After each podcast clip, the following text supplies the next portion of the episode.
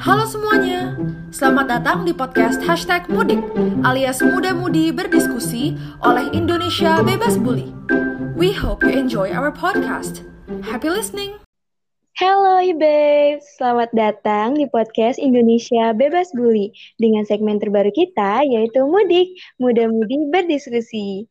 Hai, gimana kabarnya nih teman-teman? Semoga baik-baik selalu ya. Oke, di segmen perdana kita ini, kita nggak bakal sendirian nih. Bakal ditemenin sama aku, Sylvia, selama ngobrol-ngobrol kita hari ini. Dan tentunya bukan mudik namanya kalau kita nggak punya teman diskusi. Nah, hari ini kita kedatangan teman diskusi yang spesial banget. Seorang yang keren dan inspiratif dan juga berbakat. Yuk, langsung aja kita kenalin. Halo Andrea. Hai Sylvia, apa kabar? Baik, apa kabar juga nih? Alhamdulillah baik. Iya. Andrea kan banyak nih teman-teman yang mungkin uh, belum kenal sama Andrea. Boleh dong sapa kenal dulu sama teman-teman di luar sana. Oke, halo teman-teman semua yang sedang mendengarkan podcast ini di mana pun kalian berada. Perkenalkan, nama aku Andrea Nisa Ardelia, biasa dipanggil Andrea, umur aku 16 tahun dari Jakarta, dan aku adalah founder dari organisasi Indonesia Bebas Bully. Wah, selamat kenal. Kenal. Oke, aku mau tahu dong kesibukan kamu akhir-akhir ini lagi ngapain nih? Kesibukan aku karena aku masih SMA ya, berarti masih belajar. Aku mm -hmm. juga ngurusin OSIS, terus sekolah aku juga bentar lagi ada event besar dan peran aku lumayan penting jadi ngurus acara juga, lagi banyak ikut olimpiade dan lomba, terus ngurusin IBB deh. Wow. kamu cukup aktif juga ya selain banyak ya.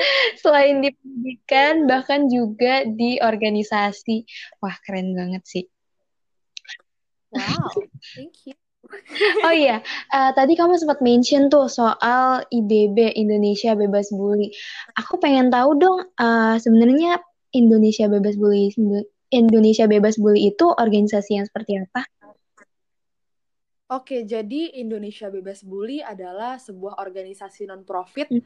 yang beranggotakan para pelajar di seluruh Indonesia nih, Vi. Ada yang dari Jawa, Sumatera, Kalimantan, oh. Sulawesi, sampai Papua. Sampai ya, bener-bener Iya, dari SMP sampai sampai mahasiswa itu ada. Hmm. Dan di sini uh, tujuan inti kita adalah untuk memberantas bullying uh, melalui edukasi seperti itu. Wah, jadi fokusnya lebih ke bullying melalui edukasi. Keren-keren sih. Maksudnya uh, apalagi selama ini di Indonesia kasus bullying itu termasuk uh, tinggi banget ya. Betul, betul banget. Terus kalau misalnya uh, kamu kamu kan founder nih as a founder dari Indonesia Bebas Bully.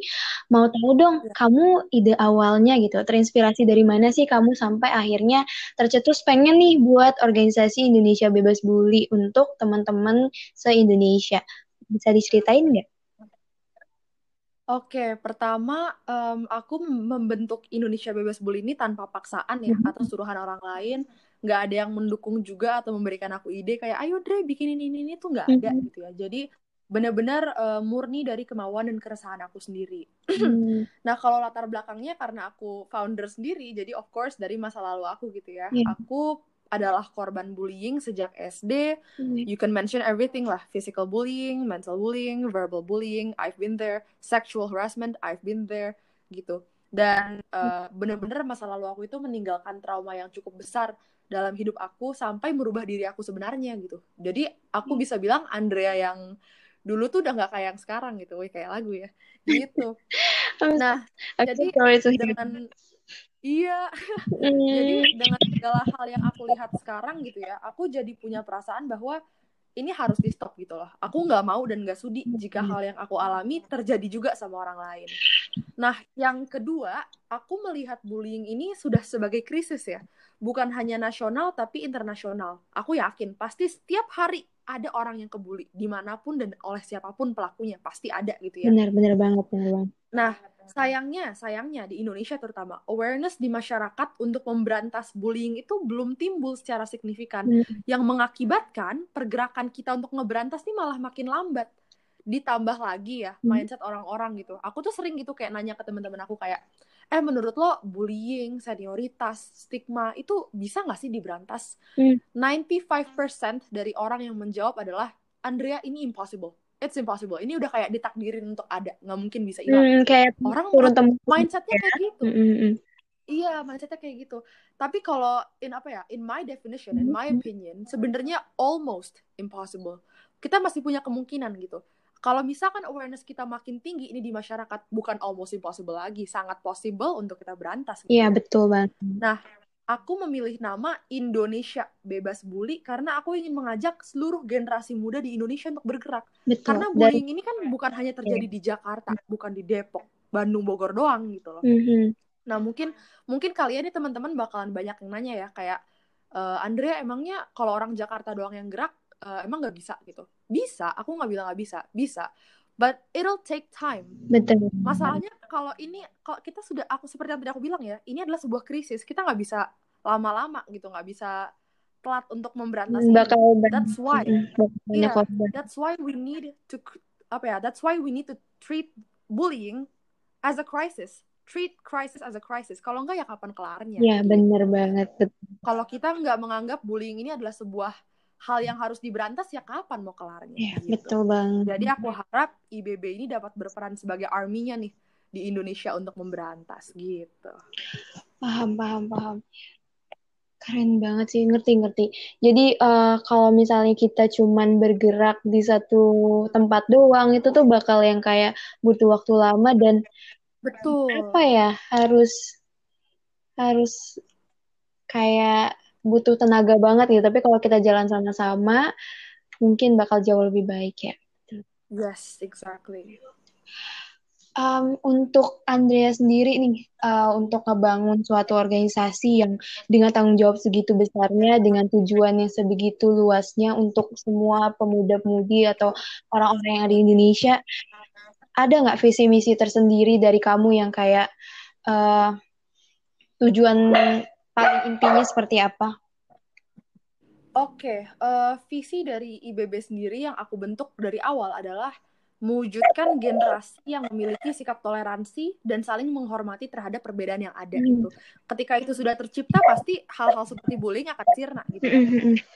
Untuk misinya sendiri ada tiga. Yang pertama, meningkatkan edukasi tentang bullying secara online maupun offline. Lagi COVID gini berarti online Ya, gitu ya. benar.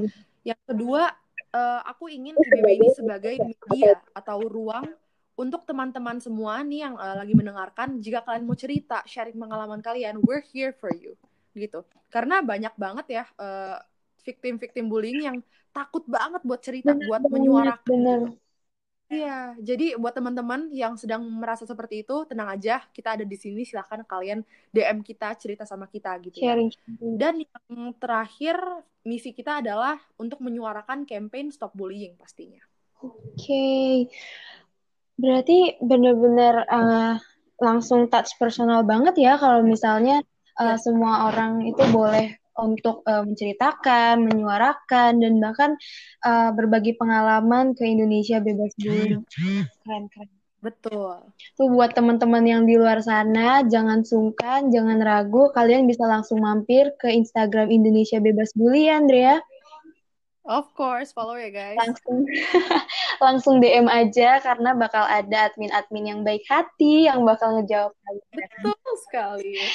Seperti kakak Sylvia ini ya, hmm, online-nya 24 jam. Waduh, iya benar.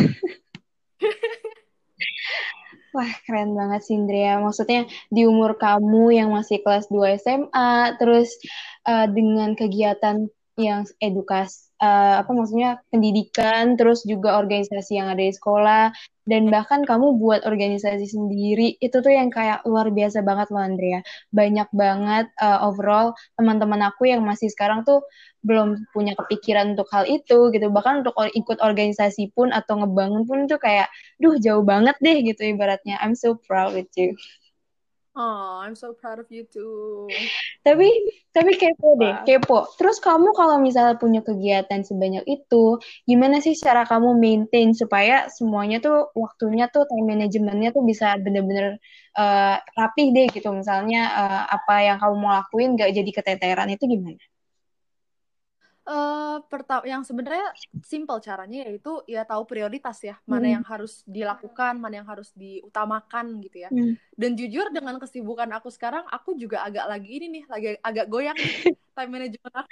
Jujur karena emang, uh, sekarang aku lagi iya aku sekarang lagi ikut lomba. Kemarin juga aku lagi lomba ikut final tiba-tiba udah didaftarin guru ke lomba lain kayak hah aduh gimana ini? gitu kan aku lagi ngurusin acara sekolah juga di mana aku di sini bisa dibilang double atau triple job di mana yang lain nggak ada yang kayak gitu gitu dan tambah lagi IBB gitu ya yang aku harus mengetuai 58-an orang dari seluruh Indonesia sangat berat pastinya. Benar-benar. Tapi itulah yang benar-benar aku tanamkan di diri aku adalah ya ini uh, this is apa ya? Ini aku udah memilih untuk membuat ini, aku harus bertanggungjawabkan yeah. gitu. Gimana caranya aku harus uh, mewujudkan visi dan misi dari IBB gimana caranya aku membangun kekeluargaan di antara IBB mm-hmm. itu sih jadi bener-bener uh, tahu prioritas itu yang paling aku pegang sampai hari ini Oke, okay, gitu. I see, I see. Jadi uh, dengan kekeluargaan itu yang nantinya bisa nge-maintain uh, Indonesia bebas bully juga ya. Betul, betul banget. Bener banget. Sih, sih. Um, kalau misalnya Andrea sendiri uh, kan Indonesia Bebas Bully ini udah udah terbentuk berapa tahun ya? Baru dari, dari Oktober tahun lalu, Mam. Hmm. Berarti baru hmm. November, Desember, Januari, Februari, baru lima bulan ya? Lima bulan, I see, I see. Iya. Nah, uh, sekarang kan udah udah udah mulai banyak seminar segala macam dan yeah. dan kira-kira uh, Andrea punya nggak sih gambaran ke depannya project seperti apa ataupun harapan ke depannya Andrea yang pengen aku pengen IBB seperti ini nih gitu misalnya boleh diceritain nggak? Uh, dari awal organisasi ini berdiri mm -hmm. tujuan aku karena emang bener-bener saklek ke masalah perundungan gitu bullying ya mm -hmm. aku sangat sangat berharap untuk bisa berkolaborasi dengan pemerintah itu yang aku sangat incar gitu ya ke menteri-menteri terutama terutama menteri pendid eh, pendidikan ya, ya Pak Nadiem Makarim dan Pak Nadiem itu pernah mencetuskan tentang tiga dosa dalam dunia pendidikan salah satunya adalah perundungan ya. bullying jadi aku merasa ini sang akan sangat klik nih kalau kita mungkin bisa berdiskusi langsung gitu dengan Pak Nadiem. Pak Nadiem kalau dengerin podcast ini, tolong invite kami Pak Nadiem. Iya, kalau denger, iya harus kita kirim sama Pak Sandiaga Uno, Pak Anies gitu. Jadi bener-bener mau ke pemerintah banget nih untuk uh, mengatasi bullying ini. Terus karena lagi online gini, aku juga pengen banget kalau kita bisa gitu yeah. ya uh, ngadain program school to school, webinar school to school. Oh, iya. Apalagi kan di COVID gini kan kita bisa nih zoom ke sekolah di Kalimantan, yeah. zoom sekolah di Sulawesi, gitu kan gampang. Ya, jadi bener-bener pengen, iya, jadi bener-bener pengen kayak uh, nge-propose ke sekolah-sekolah buat uh, webinar gitu sih. Hmm. Tapi kalau mau target yang paling jauh, insya Allah gitu ya, siapa tahu IBB terpandang di mata internasional one day, amin. amin banget gitu kan. Kayak bener sih kayak uh, tujuan kamu ke pemerintah tuh bener banget sih kayak semua penggerak sistemnya itu adalah pemerintah. Jadi Betul. yang kamu lakuin tujuan utamanya itu udah bener-bener kena banget. Apalagi dari niat kamu untuk uh, uh, go uh, school to school gitu kalau menurut aku langsung langsung ke orang-orangnya gitu. Jadi yes. benar. So uh, kayaknya kita udah cukup lama nih ngobrol. Iya nih udah mau 15 menit ya kawan? Gak berasa ya kayaknya baru aja kita Iya baru mulai kok udah kelar Oke, okay. uh, eh, makasih banyak ya Andrea karena udah luangin waktu kamu di tengah kesibukan kamu. Thank you Sylvie. Iya, terus uh, makasih juga udah sharing-sharing bahkan cerita tentang masa lalu kamu dan inspirasi banyak orang yang mungkin ngedengerin podcast kita hari ini. Iya, thank you juga ya Sylvie. Ya ampun nih anggota aku nih. Aduh, baik banget ya Allah. Gemes aku sama dia. iya. Makasih banget loh. Thank you. Thank you banget. Oke, okay, babes, kayaknya cukup sampai sini nih kita berbagi cerita dan juga curhat-curhat tentang Indonesia Bebas Bully. Jangan lupa untuk datang dan samperin Instagram kita di @indonesiabebasbully dan juga dengerin podcast kita yang bakal upload setiap minggunya. Dan pastinya dengan teman diskusi yang menarik dan topik yang sangat-sangat menginspiratif. Jadi jangan lupa tunggu keseruan kita di lain waktu. Terima kasih. Terima kasih. Bye Sylvie. Sampai jumpa. Gimana teman-teman? Seru banget kan? Jangan lupa untuk follow Instagram, Twitter, TikTok, Anchor, dan Spotify kita di @indonesia bebas bully agar kalian selalu up to date sama project-project kita. Sampai jumpa di mudik selanjutnya. Indonesia bebas bully, generasi muda berantas bully. Bye.